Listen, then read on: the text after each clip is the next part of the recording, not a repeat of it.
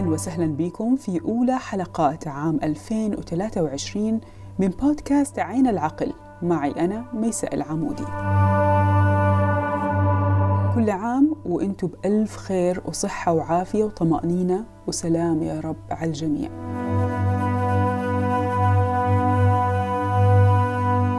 سنة جديدة نبدأها مع مجموعة حلقات ومواضيع متجددة في رحلة بحثي اللي بدأتها العام الماضي ويبدو أني فعلا قاعدة أستفيد منها كثير.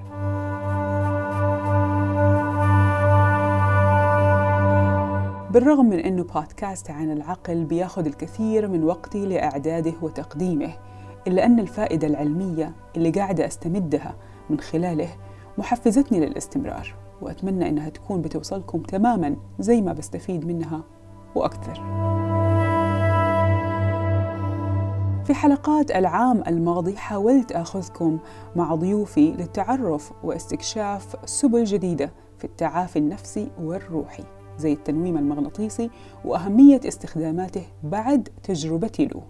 وزي مفهوم عمل مدربي الحياة وطرق علاجاتهم ومساعدتنا على تحسين سلوكياتنا.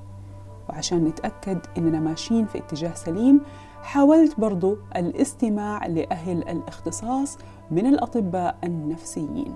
وبسبب شح المحتوى العربي المتعلق باستخدام الأعشاب المخدرة زي ما اتفقنا على تسميتها في حلقاتنا الماضية فكان لنا وقفة معها لمحاولة فهم هذا العالم الغامض.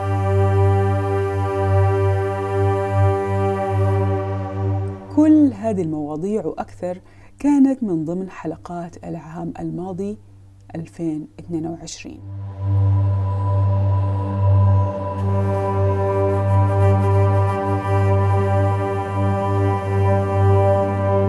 وفي هذا العام راح أجتهد للاستمرار في رحلة بحثي عن أفضل طرق التعافي وراح أسعى بإذن الله للبحث في مواضيع تمس حياتنا ويومياتنا بشكل خاص. ودايما أتمنى أنها تكون فعلا مفيدة لي وليكم.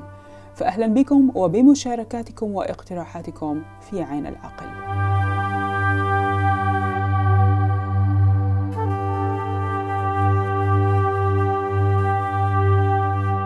في حلقات هذا الشهر قررت أبدأ بأحد العناوين الرئيسية للتعافي. الإدراك. ما المقصود بالإدراك؟ وما أهميته في تعافينا وما أهمية فهمنا لمثل هذه المواضيع والمصطلحات؟ فضلا عن تناولنا في هذه الحلقات للموضوع المهم جدا وهو خلق الحدود مع الآخرين. أعرف أنه في كثير يحبوا العناوين العملية اللي تساعدنا في التعافي من سلوكيات محددة ولكن من الجيد بل الضروري الوقوف للحظات لفهم تكنيكات المعالجين في مساعدتنا للتعاطي مع احتياجاتنا خاصة أني تعلمت من خلال رحلتي هذه في عين العقل أهمية الفهم والإدراك قبل التطبيق عشان تكون الفائدة مستمرة وليس مؤقتة وتلزمنا بمرافقة المعالجين مدى الحياة.